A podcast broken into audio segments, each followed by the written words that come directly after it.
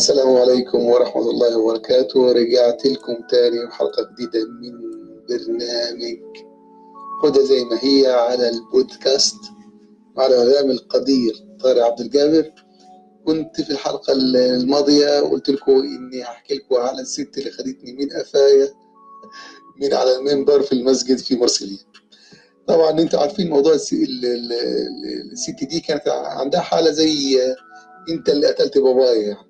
فهي متوقعة إني أنا أنا كل حاجة أنا اللي قتلتها أنا اللي ضربتها أنا اللي سجنتها.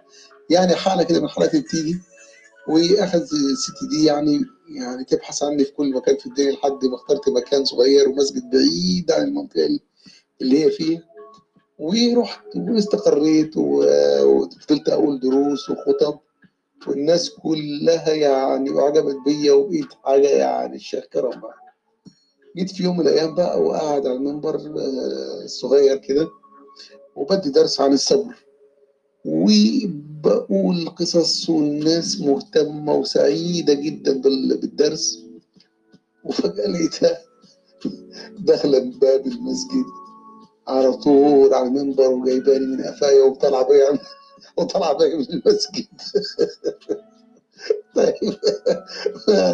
أنا يعني يقال إن كل إنسان قدره يشبهه وأنا قدري زيي بالظبط ساخر وضاحك وحزين و... فأنا دايما آخد مواقفي كده يعني بصدر رحب وبسخرية يعني مش مش موضوع الواحد ياخد يعني موقف زي كده ويأثر في نفسيا مثلا ويتضايق ويحرج لأ فخدتها بكل بساطة وطلعت معها زي الطفل الصغير. أو إن شئت قل زي المعزة الصغيرة يعني دون مقاومة. خدتني من قفايا كده ومسكت العباية وطلعت. ربنا كرمني بواحد جزيري على الباب وقال لها ما تحشميش. سيبيه المهم شدت فيا خدت العباية وأنا انزلقت من العباية وهي خدت العباية وطلعت بره. فرجعت تاني على المنبر. ونرجع تاني. قلت لهم يا جماعة ده درس عملي على الصبر. وفضلت أقول الحمد لله حوالي 20 مرة. فالناس استغربت قلت لهم تعرف أنا بقول الحمد لله ليه فكل علامات وجوههم على يعني علامات استفهام. قلت لهم بقول الحمد لله عشان العباية اللي كنت لابسها عباية المسجد مش عبايتي وستي خدتها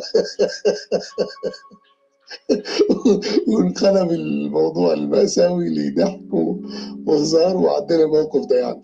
فده فعلا موقف لا يحدث إلا معي. لذلك حبيت أقول لكم على البودكاست.